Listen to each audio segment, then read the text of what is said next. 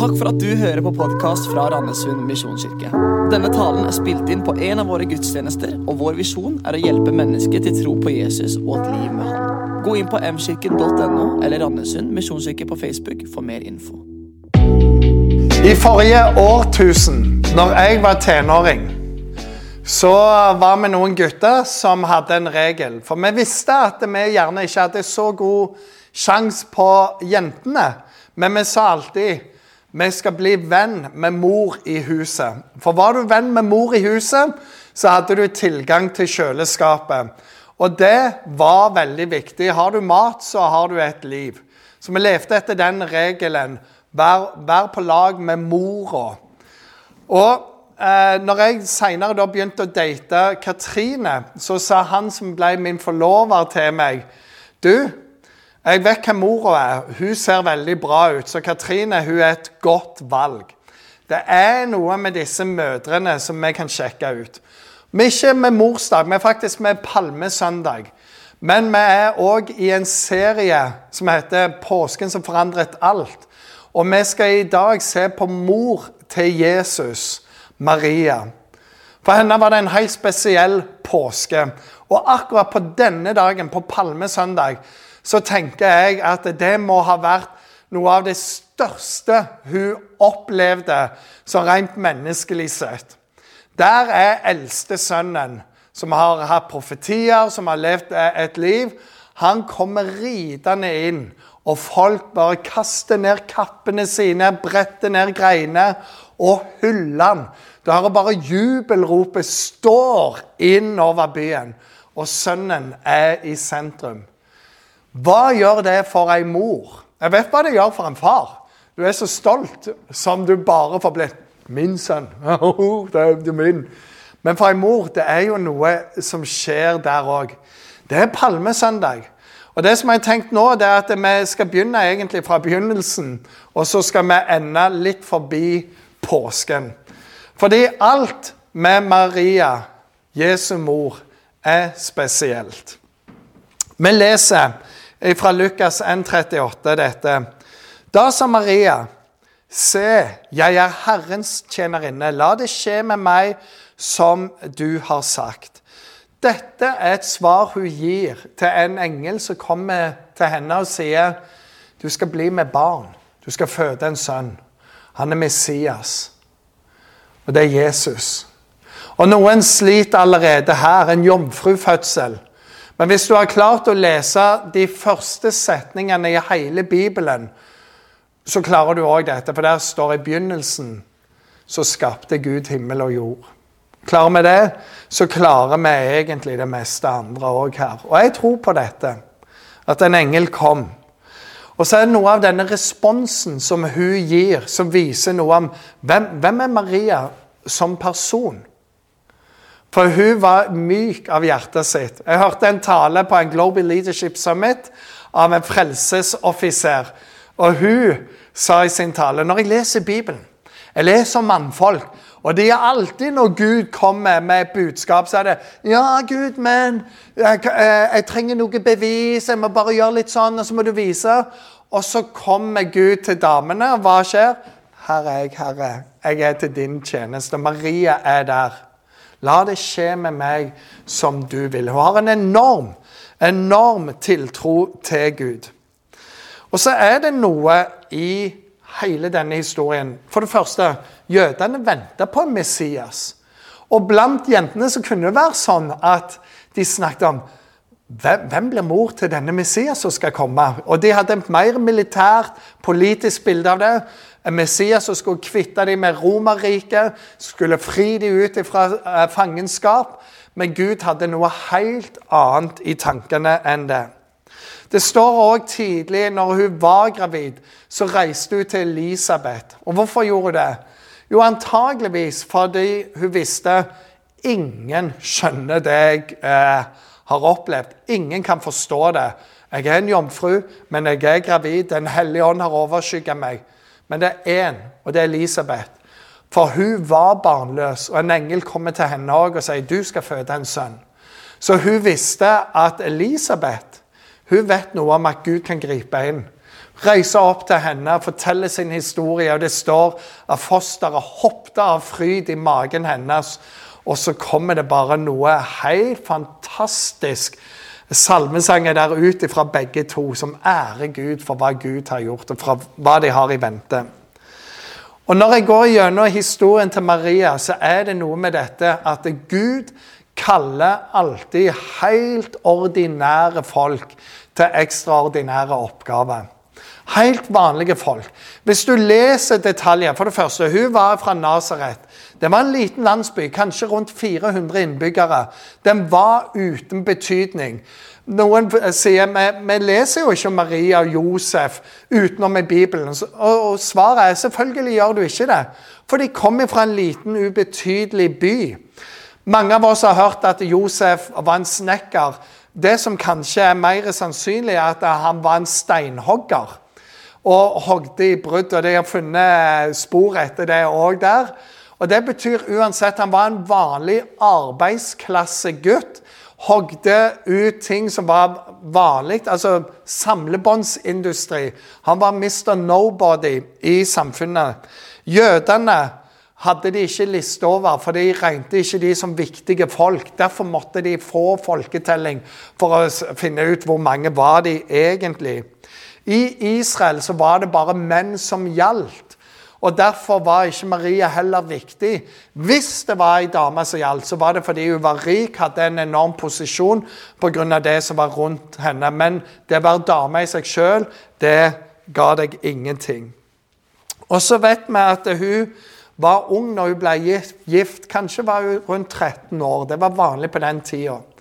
Så når du drar sammen alle disse faktaene, så vil du se det landsbyjenter fra en plass de ikke gadd å ha folkeliste over. de ubetydningsfulle folk som var fra arbeiderklassen, som strevde med å overleve.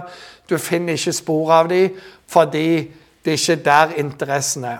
Der kommer Gud. Og ofte så gjør Gud det i dag òg. Kaller helt ordinære mennesker til ekstraordinære liv for Han.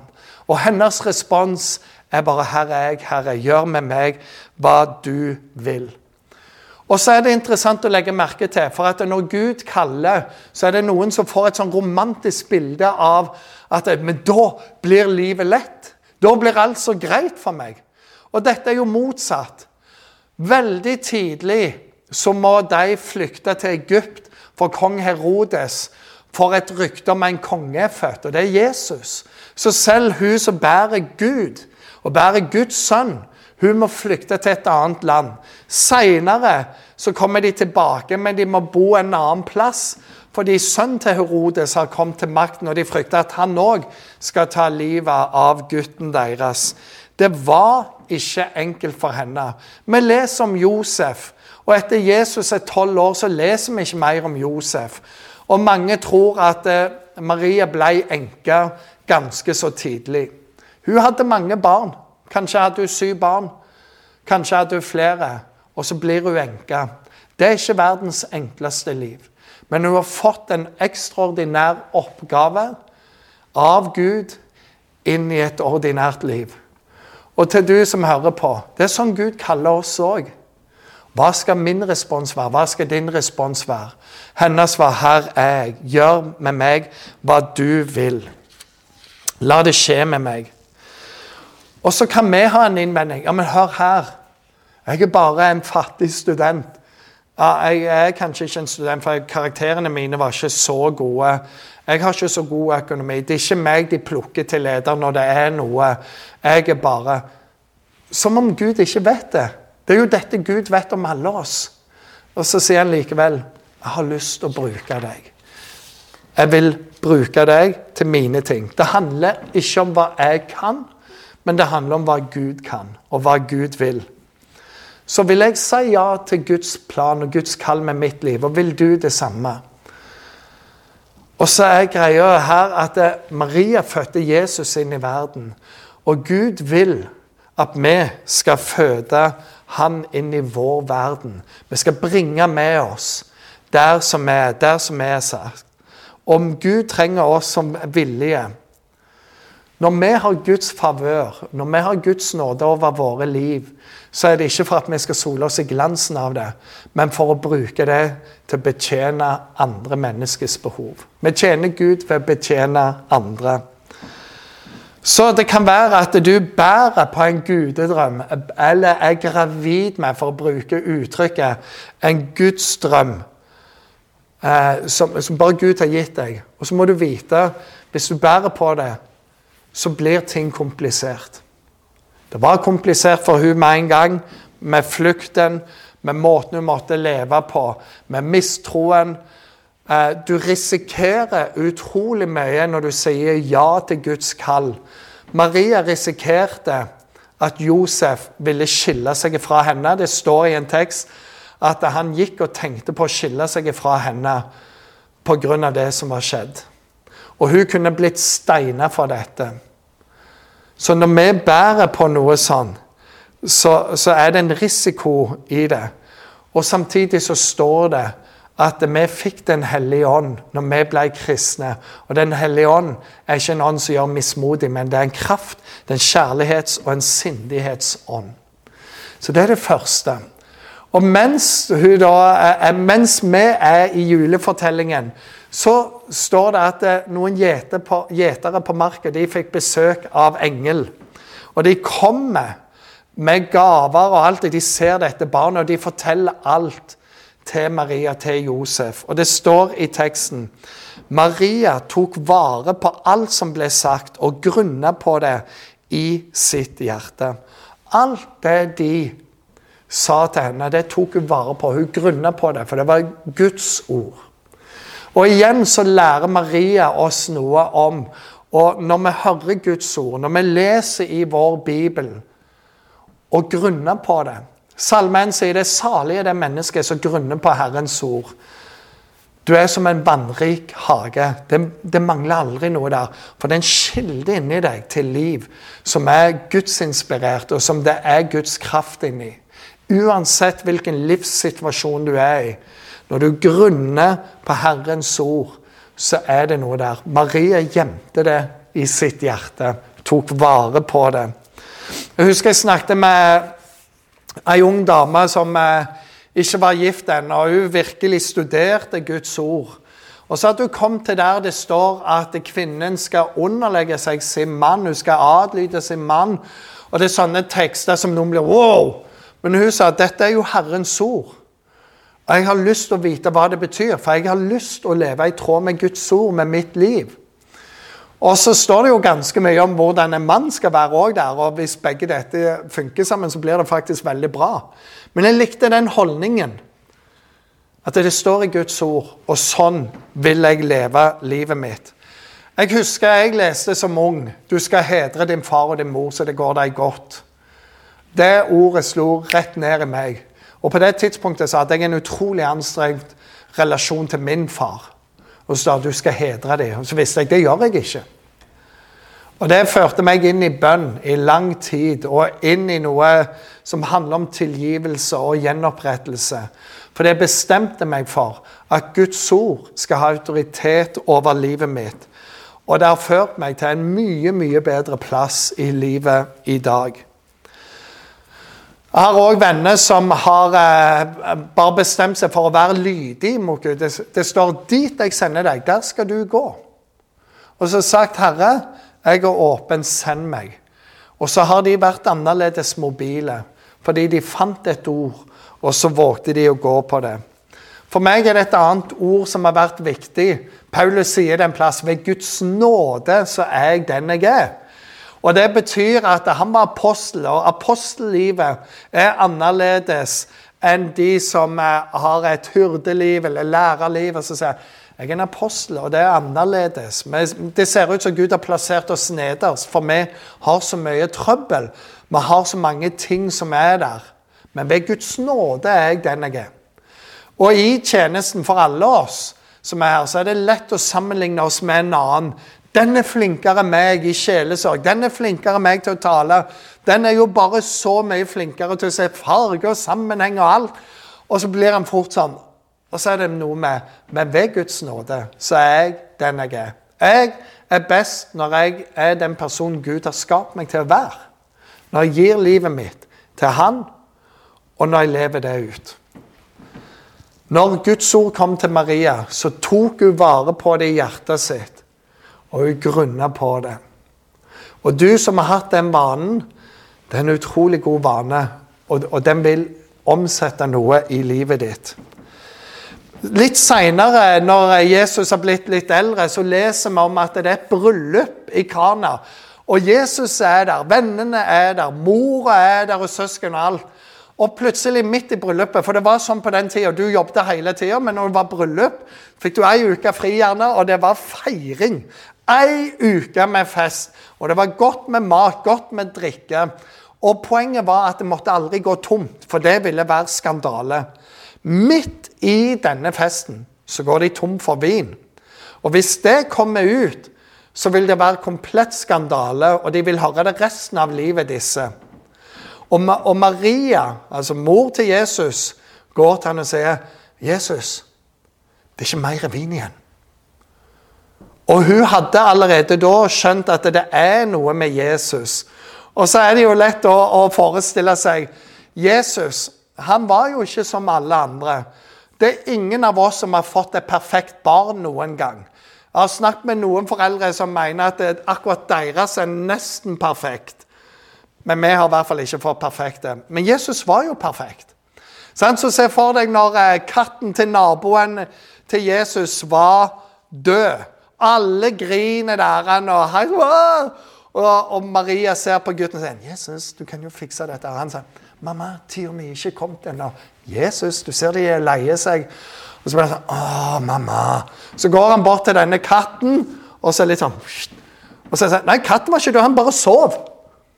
Og så bare gir han katten tilbake, og mor er sånn 'Jesus, veldig bra gjort'. Når mora mista noen ting, så gikk hun igjen til Jesus og sa 'Jesus, jeg kan ikke finne det der.' vet du. Den ligger der. Han visste alt, sant? Han hadde kontroll på alle ting. Så i dette bryllupet her så, eh, så sier hun til ham det er tomt for vin. Og så svarer Jesus, men når Maria går, så sier hun til de andre Men moren, altså Maria, sa til tjenerne Det han sier til dere, det skal dere gjøre. Det han sier til dere, det skal dere gjøre. For Maria hadde allerede erfart det, og hun visste hvem Jesus var. Og det er noe til oss alle i det. Det Jesus sier, det skal vi gjøre. Og Hvis det er en leveregel for oss òg, at det Jesus sier, det gjør vi, da følger vi Skriften igjen, og vi er lydige mot Han. Og det fører oss en veldig bra plass. Hva enn Han sier, gjør det. Og så kommer påsken. Vi har fulgt den gjennom palmesøndagen, som for mor må være helt magisk. Endelig forstår de hvem gutten min er. Men så blir han tatt til fange, og jubelropa blir gjort om til noe helt annet. Piskeslag, smerte. Og hun står ved korset og ser sønnen sin dø. Hun er den eneste vi vet i Bibelen var til stede ved fødselen og ved døden. Hun står der, og hun som nå har gjemt engelens ord i sitt hjerte, hun opplever at hjertet brytes. Jeg har en venn som mista et voksent barn i en ulykke. Han har alltid sagt det er foreldres rett å dø før sine barn. For det er bare noe som, som brytes i deg. Og Maria visste at Jesus hadde sagt flere ganger 'Jeg skal dø'. Jeg er han som dere venter på, men jeg kommer til å dø. Og plutselig så er det nettopp det han gjør. Og hun visste Jesus kom for å dø. Men likevel så dør han, og det forandrer alt. Og det var sånn Du kom for å dø, du har oppfylt ditt, men hjertet mitt er knust.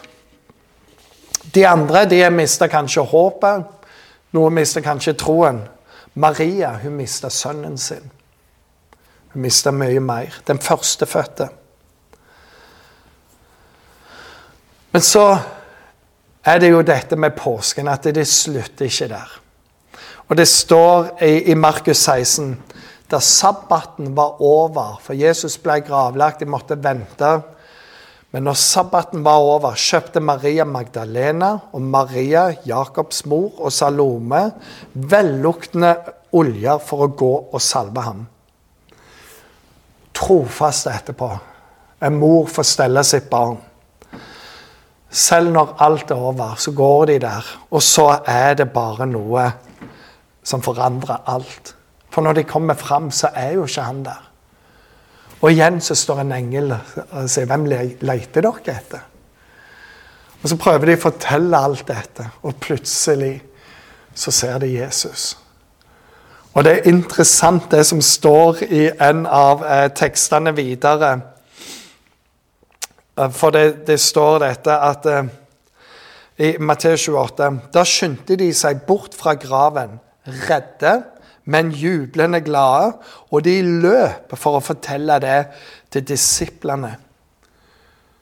Dette knuste hjertet som bare blir helt Og så skjer det en åpenbaring istedenfor. Og de må fortelle nyheten til de andre. Han er ikke død. Han lever. Graven er tom. Han har stått opp. Og det er bare Wow! De, før dette, så har de forstått noe. Men nå så får de en åpenbaring. Og så er det interessant, Hva skjer etterpå? For Jesus han reiser opp til himmelen. Og så står det i begynnelsen av apostelens gjerninger alle disse holdt trofast sammen i bønn, sammen med noen kvinner og Maria, Jesu mor, og brødrene hans. Så mens de ventet på at Den hellige ånd skulle komme, så var de i bønn. Der var mor. Der var brødrene til Jesus, alle de andre sønnene. Alle var kommet til tro på han er jo Guds sønn. Og nå var de i bønn.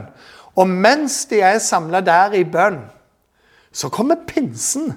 Helligånd kommer inn i rommet, og det står om disse tungene som bare setter seg på hodene til folk.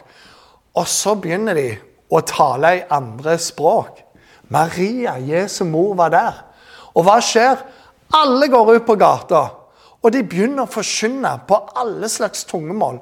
Og 3000 blir frelst den dagen. Og Jesu mor er der.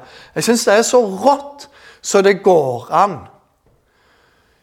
Hun fikk et, et budskap fra en engel om å føde Guds sønn.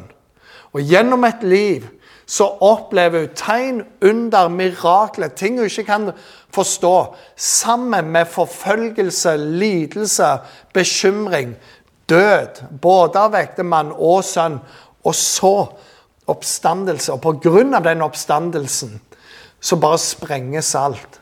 Og hun er et av de vitnene som gjør at 3000 blir frelst på pinsedag. Det er Maria. Og hvem er Maria i dag? Jo, det er du som har så lett for når Guds ord kommer, så tar du det til deg. Og så lever du litt annerledes fordi du ønsker å leve etter Guds vilje.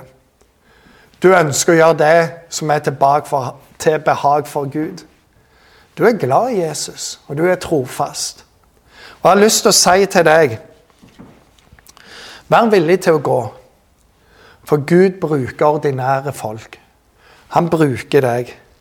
Gjem Guds ord i ditt hjerte, og grunn på det. Hva enn Jesus sier til deg, bare gjør det. Det vil være smerte, det vil være lidelse.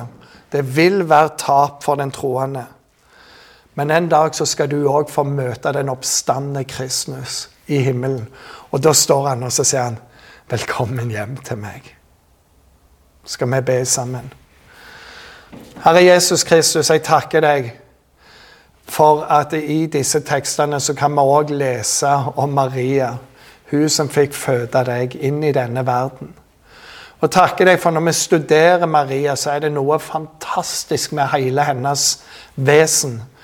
På så mange måter et enormt ordinært og anonymt menneske inn i en arbeiderklasse, inn i en del av verden som ingen brydde seg om. Gadd ikke skrive det inn i manntall unntatt når de måtte. Og så bruker du hun. Og så har hun en karakter og en holdning til deg som vi i dag kan lære av. Og må du hjelpe meg, og må du hjelpe oss, Herre, til å ta vare på ditt ord og grunne på det. Til å lyde ditt ord. Lyde det som du sier, Jesus. Og må du hjelpe oss å være i bønn. Og la deg bruke oss når du kaller oss. Jeg ber om det i Jesu navn. Amen.